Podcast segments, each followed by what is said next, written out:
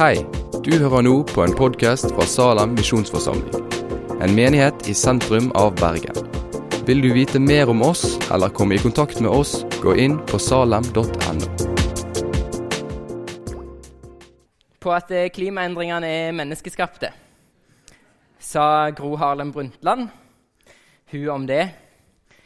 Eh, men det å tvile på at klimaendringene er menneskeskapte, det er vel kanskje det hotteste du kan gjøre eh, som politiker om dagen.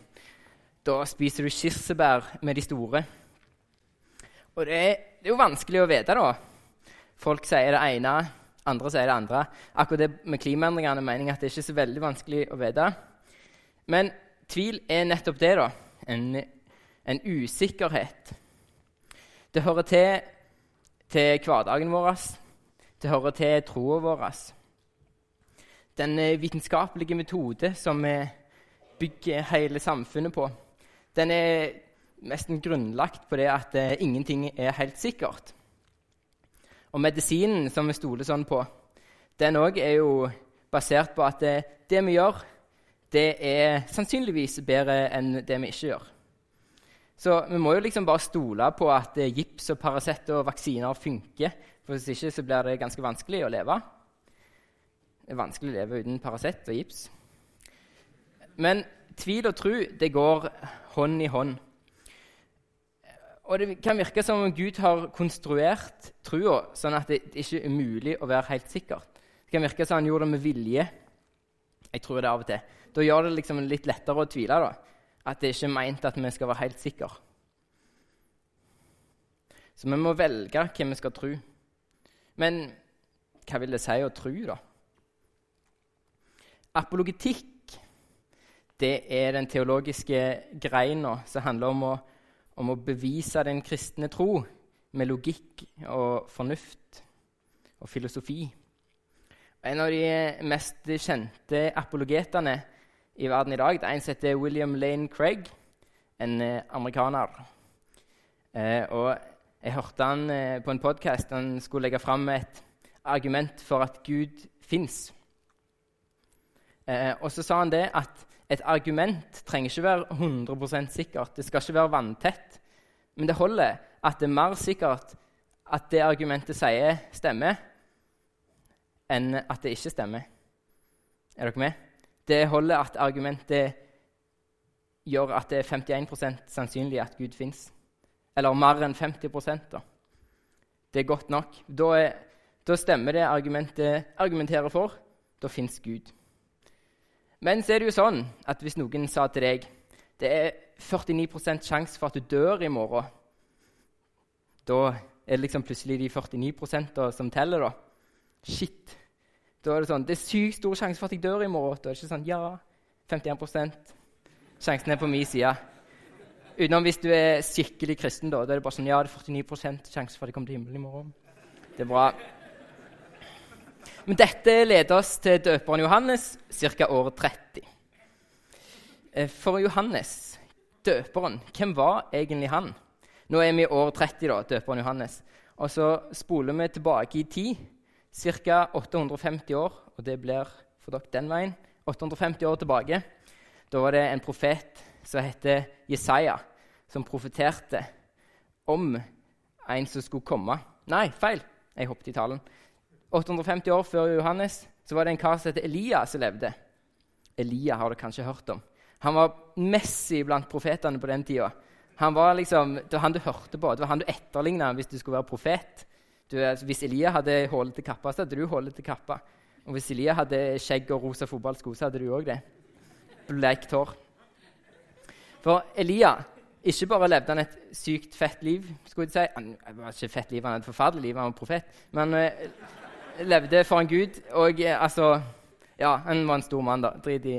Men, men han eh, hadde en spektakulær død òg. Det kom ei ildvogn fra himmelen. Og så, eh, Jeg ser for meg en ildrød Ferrari. da, Så liksom åpna han døra, gikk inn og sa 'Goodbye, Elisha, min læresvein. You're on your own.' Lukka døra, så, og så var han død. Han ble tatt opp i himmelen i ei vogn 850 år før døperen Johannes ca. Og så kommer til Jesaja, da. 100 år fram i tid. 750 år før Johannes. Så profeterte Jesaja Dette er Jesaja 44, så står det. Ei røyst roper, rydd Herrens veg i ørkenen. Jammen ut i øydemarka, en veg for vår Gud. Og så, noen hundre år etter dette igjen, så var det en profet som het Malaki, som sa Sjå, jeg sender profeten Elia til dykk, før Herrens dag kjem, den store og skremmende. Han skal vende fedrehjertet til barna og barnehjertet til fedrene, så jeg ikke skal komme og slå landet med bann. Det var Malaki 4, vers 5-6.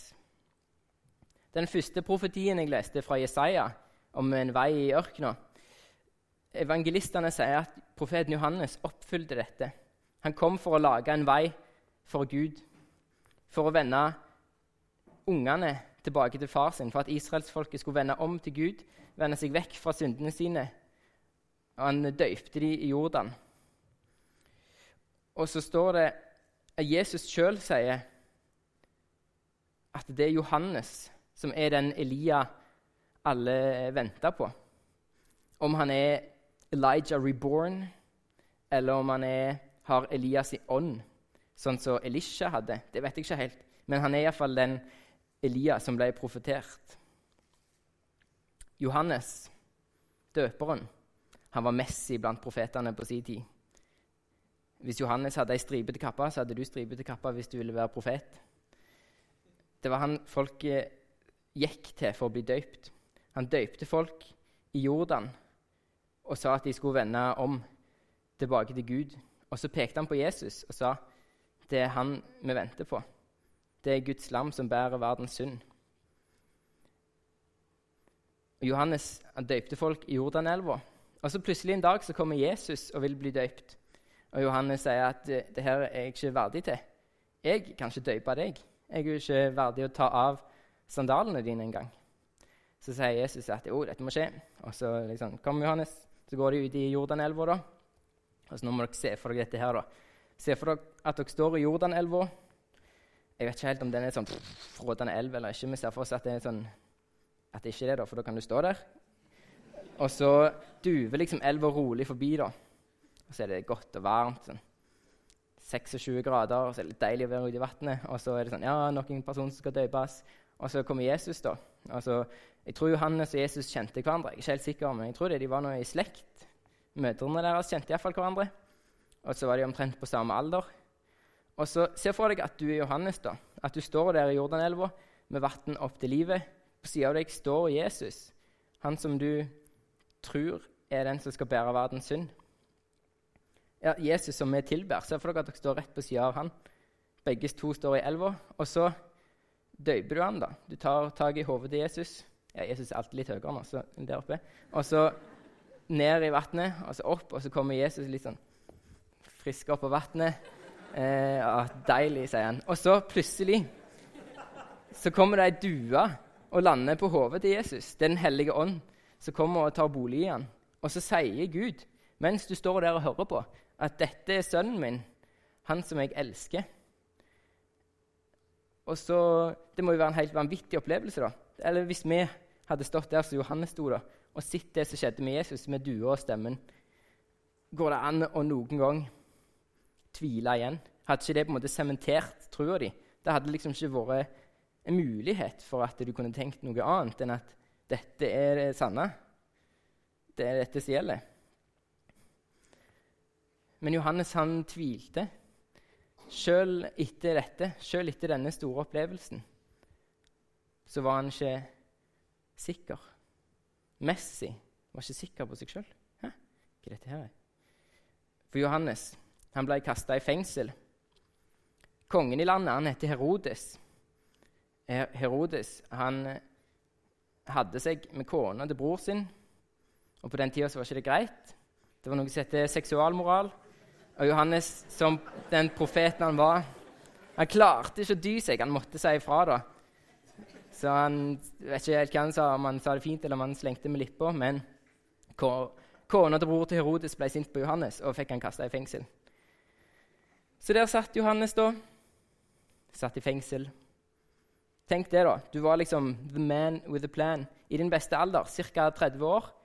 Og så ja, du gjorde ting du kanskje syntes var kult. Eller ja, gå i kamelhår og spise gresshopper.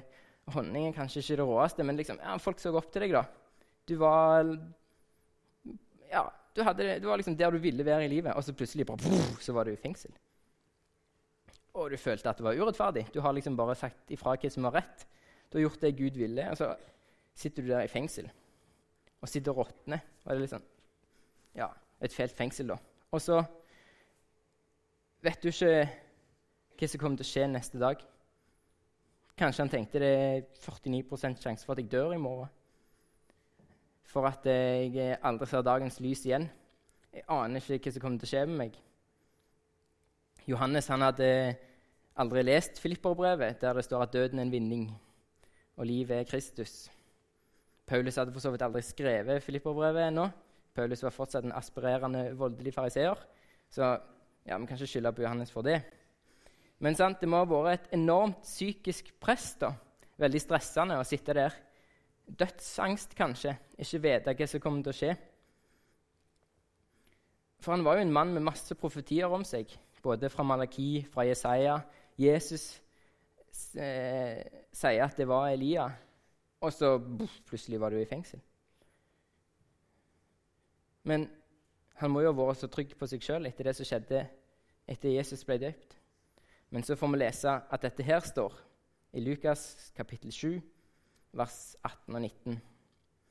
Johannes fikk høre om alt Jesus gjorde av læresveinene sine. Da kaller han to av dem til seg og sendte dem til Herren og ba dem spørre Er du den som skal komme, eller skal vi vente en annen? Så Johannes spør Jesus om han er den som skal komme etter dua, etter Gud snakket, eller skal vi vente en annen? Så jeg tenkte er det mulig å spørre om noe sånt etter alt det du har opplevd? Er det liksom, altså Johannes, hva skjer her? Altså mental breakdown i fengsel. Det, men du trenger en lege. Du trenger, ikke, trenger bare noen å snakke med. Men ja, jeg er bare så sykt glad for at det står i Bibelen at de har tatt med denne fortellingen. Sant? det var ikke vits å ha med den fortellingen om døperen Johannes. Det har liksom ikke noe med narrativen å gjøre, egentlig, men jeg er utrolig glad for at det står. For det viser oss en del ting da, eh, om tvil, denne teksten. Så jeg har eh, fem punkter eh, jeg vil fortelle dere om tvil. da. Og Nummer én er, er at alle tviler. Når døperen Johannes tviler, så tviler alle. Uansett hva vi har opplevd med Gud, da er det plutselig ingen unntak lenger. Da kan vi sitte her og være så trygge vi vil. Men Johannes havna i en forferdelig livssituasjon, og da meldte tvilen seg. Hvem vet hva som kommer rundt hjørnet for oss? Plutselig kan tvilen komme. Eh, Selv den tryggeste kristne kan tvile. Peter han opplevde noe utrolig stort med Jesus. Han gikk på vannet.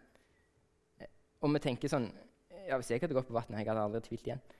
Men Peter tvilte mens han gikk på vannet. Det er jo egentlig ganske utrolig at han gjorde det. Thomas han trodde ikke på de andre disiplene. Jesus hadde kommet og vist seg for de andre mens han var vekke. Det var egentlig litt dårlig gjort av Jesus, men han gjorde det likevel. Og så kommer Thomas da en dag etterpå, eller noe sånt, og så sier de 'Vi har sett Jesus'. Og han eh, tror ikke på dem. Og det var jo troverdige folk. Det var jo folk han hadde vært veldig mye med de siste tre åra. Men han trodde ikke på dem. Og så står det i Matteus 28, rett før Jesus gir disiplene misjonsbefalingen, så står det at de falt ned på kne og tilba han. Jesus viser seg altså for dem etter han har stått opp fra de døde. Og så står det at noen tvilte. Alle tviler, tenker jeg da. Men jeg tenker òg, må jeg innrømme, at eh, jeg tenker som Bjørn Eidsvåg, at jeg har tenkt at det skulle ikke jeg ha gjort. Men jeg vet da søren, jeg, altså. Så det var punkt nummer én. da. Alle tviler. Og dette gjør jo denne andakten veldig relevant for alle. Det er jo kjempebra. Så punkt nummer to da, Det er viktig å ha andre kristne rundt seg. Det er viktig å ha noen å snakke med. For hvis Johannes hadde vært en ensom kristen hadde liksom, Han var sånn 'Jeg tror, men det er privat.' Og så satt han der i fengsel, eller havna i fengsel. Hadde ingen å gå til noen med noe om. Han, da hadde han ikke hatt disipler å sende til Jesus. Da hadde han hadde sittet alene med de 49% sine i cella og ikke ant hva som kom til å skje. Eh, og eh, kanskje hadde trua glipt, glipt Jeg vet ikke hvordan du bøyer det. Men han hadde mista trua, da. Men han har venner han kan eh, snakke med det om. Og vi kan havne i vanskelige situasjoner, akkurat sånn som Johannes gjorde. Det trenger ikke være at vi havner urettferdig i fengsel. Det kan jo skje for all del, men eh, mer hverdagslige ting, og problemer med kjæreste eller ektefelle. Kanskje vi sliter med helsa, kanskje vi sliter psykisk. Det kan være at du stryker på den eksamenen du skal ha på tirsdag, som du ikke har lest til. Det kan være ting som ødelegger selvbildet ditt. da. Johannes var profet, ble kasta i fengsel. Da, ja, altså, du kan ikke døpe folk lenger da. Døperen Johannes i fengsel eh, ja, sant? Da er jeg bare Johannes, liksom. Plutselig var ikke livet sånn som det var. da. Så vanskelige livssituasjoner, hvis vi havner i det, så ja, Vi må liksom være forberedt på at det kan skje, da, tenker jeg. Eh, og at noe kan skje med den trua som vi føler at nå er så veldig sterk. Eller kanskje ja, kanskje trua er dårlig, skal vi si, kanskje du tviler masse allerede. da. Eh, eller at du er i dette fengselet nå. Men da er det så viktig å ha andre kristne rundt seg. Johannes hadde disiplene. Vi har, eh, her har vi forbønn. Vi har eh, smågrupper, eh, hverandregrupper, life-grupper, eller hva du kaller det, da, eller en eh, kristen venn som du kan fortelle dette til, som kan be for deg. Gå sammen med deg til Jesus, eller gå for deg til Jesus og legge det foran han, da, akkurat sånn som disiplene til Johannes gjorde for han.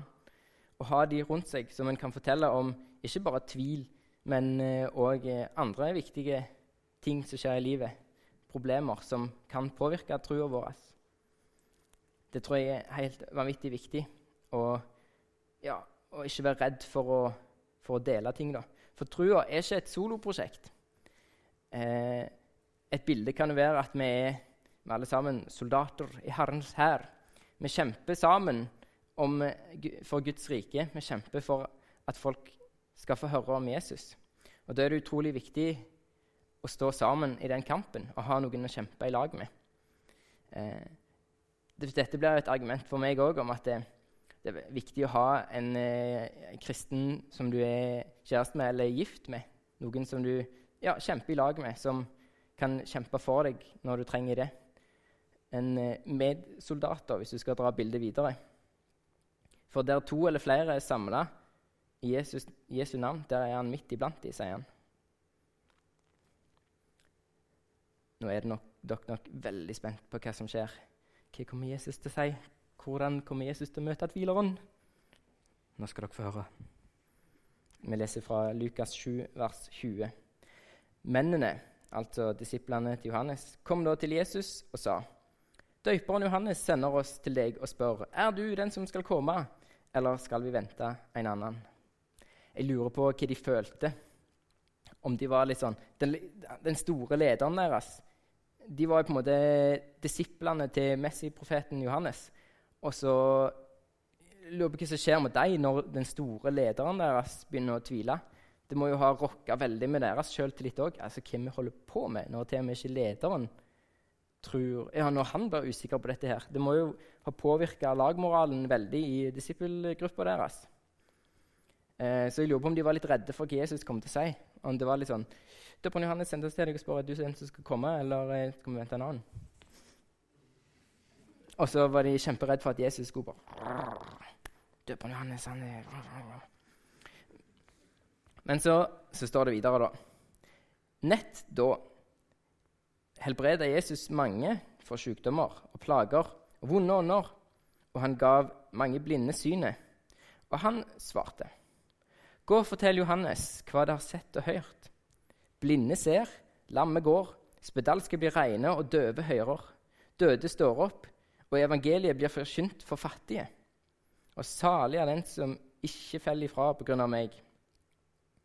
Og Dette leder oss til punkt nummer tre. da. Det er greit å tvile. Jesus klikker ikke på Johannes. Her har vi fått svaret på det vi lurte på. Hvordan møter Jesus tvileren? Jo, han møter han med det jeg vil påstå at er åpne armer. Han sier at det er greit å tvile. Han svarer ikke på en oppgitt måte. Han er ikke spydig, han er ikke sint. Han peker på gjerningene sine. 'Dette gjør jeg. Døm sjøl.' Han sier at jeg er den jeg er. Han svarer med en profeti fra Jesaja at blinde ser og lamme går, spedalske blir reine, døve hører, døde står opp. Han sier at 'jeg er den det er profetert om', akkurat sånn som du er den det er profetert om. For det er ikke tvilerne som får pes av Jesus. Johannes er åpen om tvila. Peter, Thomas de får ikke kjeft av Jesus fordi de åpner om det. De som eh, får kjeft av Jesus, det er fariserene. Han kaller de hyklere. Det er de som har ei maske på, som skjuler det som er dårlig inni seg, og prøver å vise ei god uh, utside. Og det er noe alle har et trekk av, som kan ha å jobbe med. I dag handler det om tvil, så jeg vil bare oppfordre alle til å være åpen om tvila. Johannes den, han var lederen i flokken nå. Han tør å være åpen om tvila. Da bør òg folk som er ledere i menigheter, og folk som ikke er ledere i menigheter, tør å være åpne om tvila og fortelle folk om det. Ikke være redd for at det bryter andre ned. Ikke være redd for at det ødelegger maska di. For det kan jo være at vi har en, hva skal jeg si, en opphøyd eller kul posisjon i en menighet og ikke har lyst til å fortelle at vi sliter med tvil. Men eh, jeg tror det er utrolig viktig for eh, å bryte sunt denne maska. Jesus sier at fariseerne er som kalka graver. Utenpå er det hvite og fine, men inni er det bare døde bein. Men eh, at det, å være åpen om ting er en måte å få de ja, altså bare få vekk den kalken og vise at det er døde bein inni meg som trenger Jesus, som trenger lys, som dere må hjelpe meg med. Punkt nummer fire er fordi det er greit å tvile, så kan og vil jeg si, må og bør vi gå til Jesus med tvil.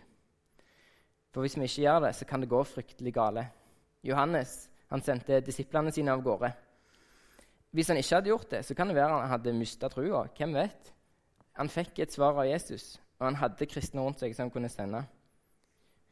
Og Peter da, han sank. Hvis han ikke hadde ropt ut til Jesus 'Hjelp meg, jeg synker', så hadde han jo drukna. Det hadde jo vært utrolig teit. Vi kan jo, hvis vi ser, dra dette bildet videre Så det at Peter går på vannet, at vi opplever store ting i dag, det kan jo være hva som helst. både si, ting som vi ikke kan se, og under som vi kan se.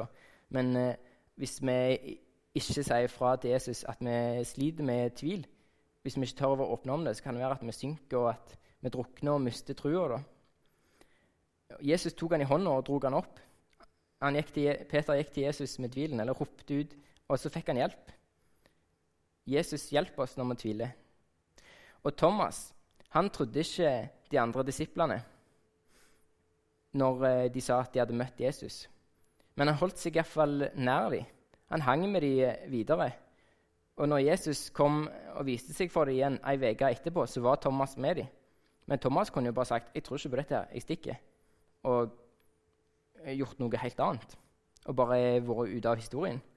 Men fordi han er åpen om tviler, fordi han sa 'Jeg vil kjenne i såra til Jesus', da skal jeg tro.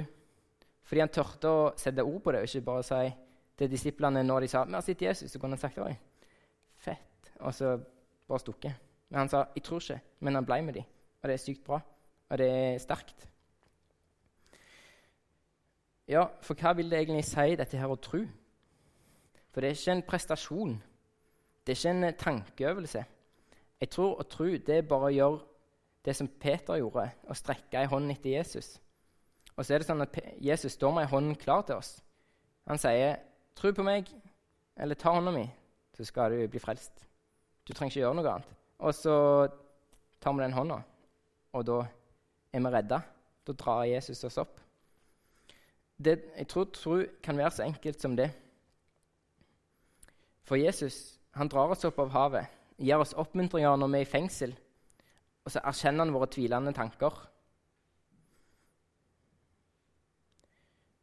Punkt nummer fem det er å ha en holdning til tvil.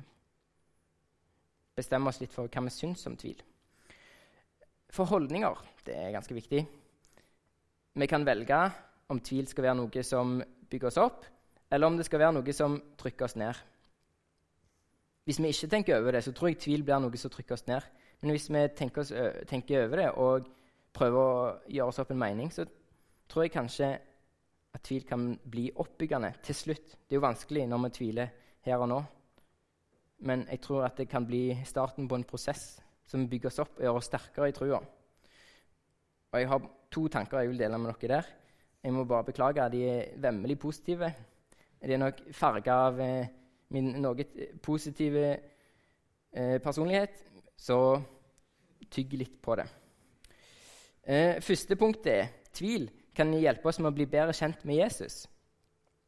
Jeg har et sitat eh, fra en filosof og teolog fransk som heter Pierre Abelard. Han døde i 1142, og jeg innrømmer jeg fant det på et eller annet sånn sitat-nettside. Skrev en tvil. Jeg har ikke lest noe av han. Men det er et sykt bra sitat, så prøv å følge med på dette. her. Visdommens begynnelse er tvil. Tvil stiller spørsmål, og når vi leter etter svaret, kommer vi nærmere sannheten. Det er ganske kult. Jeg leser det en gang til. Visdommens begynnelse er tvil. Tvil det får oss til å stille spørsmål. Og så søker vi etter svaret, og da kommer vi nærmere sannheten. Tvilen får oss til å stille spørsmål ved troa, og så leter vi etter svaret. Fins Jesus? Jesus, er du den du sier? Er Gud god? Og Så leter vi etter det, og så kommer vi nærmere sannheten. For en kan bruke tvil til å bli bedre kjent med Jesus. Et påskudd til å finne ut av mer av hva du tror på. Et påskudd eh, til å undersøke og granske. F.eks.: Jeg er usikker om kristendommen er sann. Så kan vi både lese i Bibelen, snakke med andre kristne. Vi kan eh, lese hva andre har skrevet, ting som ikke står i Bibelen. Og være åpen om det for andre. Lag en diskusjon i eh, bibelgruppa. Og til dere som er stolte Jeg merker jeg sliter med det sjøl. Jeg syns det er vanskelig å, vans å, dele vanskelige ting. Jeg tror det er pga. stolthet. Men ja, bare husk det at stoltheten er der. Og det er utrolig bra for vår karakter å bryte den ned. La tvilen komme fram, og vis til andre at vi har vanskelige ting på innsida. For vi tenker og jeg tror dette er både oss sjøl og djevelen som bruker disse tankene og sier at hvis du viser det som er på innsida av deg, så vil ikke folk like deg lenger. Men jeg merker jo sjøl at når folk deler vanskelige ting, så får jeg bare mye mer respekt for dem. Det er utrolig tøft når folk deler ting. Og så bare vær åpen om tvilen. Og prøv å gi et slag til den stolte sida di.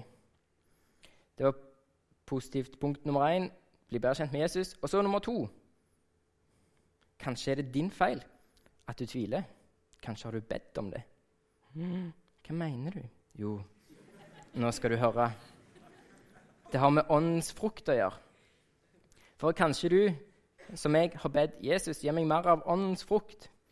Åndens frukt det leser vi om i Galaterbrevet. Det er da kjærlighet, glede, fred, tålmodighet, mildskap, godhet, trofasthet, ydmykhet, sjøldisiplin. Ni ting. Jeg vet ikke om det er en utfyllende liste over åndens frukt, eller om det er bare liksom noe Paulus kom på der og da. Men det viser oss iallfall at kristendommen er praktisk. For det å være mild og god, det er du jo mot andre mennesker. Ikke bare når du synger lovsang. Ikke bare når du er i Salem. Det er noe som handler om hele livet. Når du tviler, så tror jeg du kan få vokse i trofasthet. Fordi du velger Gud sjøl når du er usikker. Og så kan du bli oppøvd i å være ydmyk, noe mitt stolte jeg trenger så sårt. For jeg tror du blir mindre hovmodig når det du tror på, når du vet at det ikke er sikkert. Da kan du ikke være hovmodig i samtale med folk. Og du blir ydmyk når du deler det med andre. Og det er åndens frukter. Så derfor kan det være at det er min egen feil at jeg tviler. Og det tror jeg gjelder alle utfordringer vi havner i. Vanskelige situasjoner eller situasjoner når du er på topp når det er, liksom, når det er dritbra, så tror jeg at uh, dette kan gjøre at vi vokser i åndens frukter. Da. At ånden bruker alle situasjoner til at vi blir mer lik Jesus hvis vi søker det. Så det var mine fem punkter. Jeg tror at djevelen ønsker at vi skal tvile. Og, i, og ikke det at tvil er djevelens verk, det er en del av trua, men han ønsker at tvilen skal være en negativ ting, noe som trykker oss ned, noe som gjør oss passive.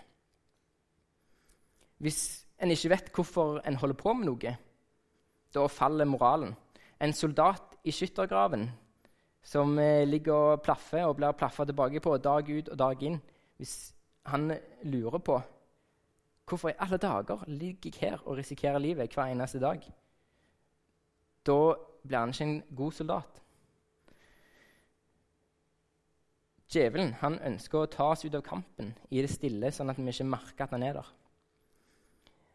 Og Derfor er det så utrolig viktig å være åpen om tvil og fortelle andre hva som er på innsida her, sånn at djevelen ikke får fortsette å lage mer døde bein og liksom knytte de døde beina inni deg til seg, sånn at ingen noen gang får se det.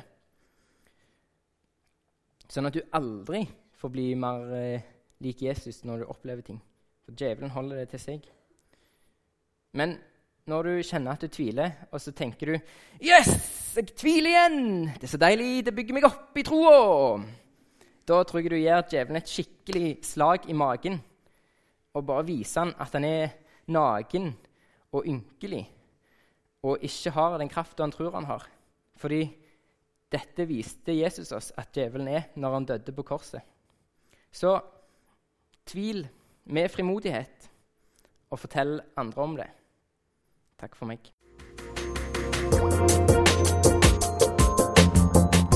Takk for at du har hørt på podkasten fra Salem, Bergen. I Salem vil vi vokse i et stadig dypere fellesskap med Gud og med hverandre. Vi vil være Jesu hender og føtter, og vi vil være med og forkynne frelse for Bergen og resten av verden. Besøk oss gjerne på salem.no om du vil vite mer.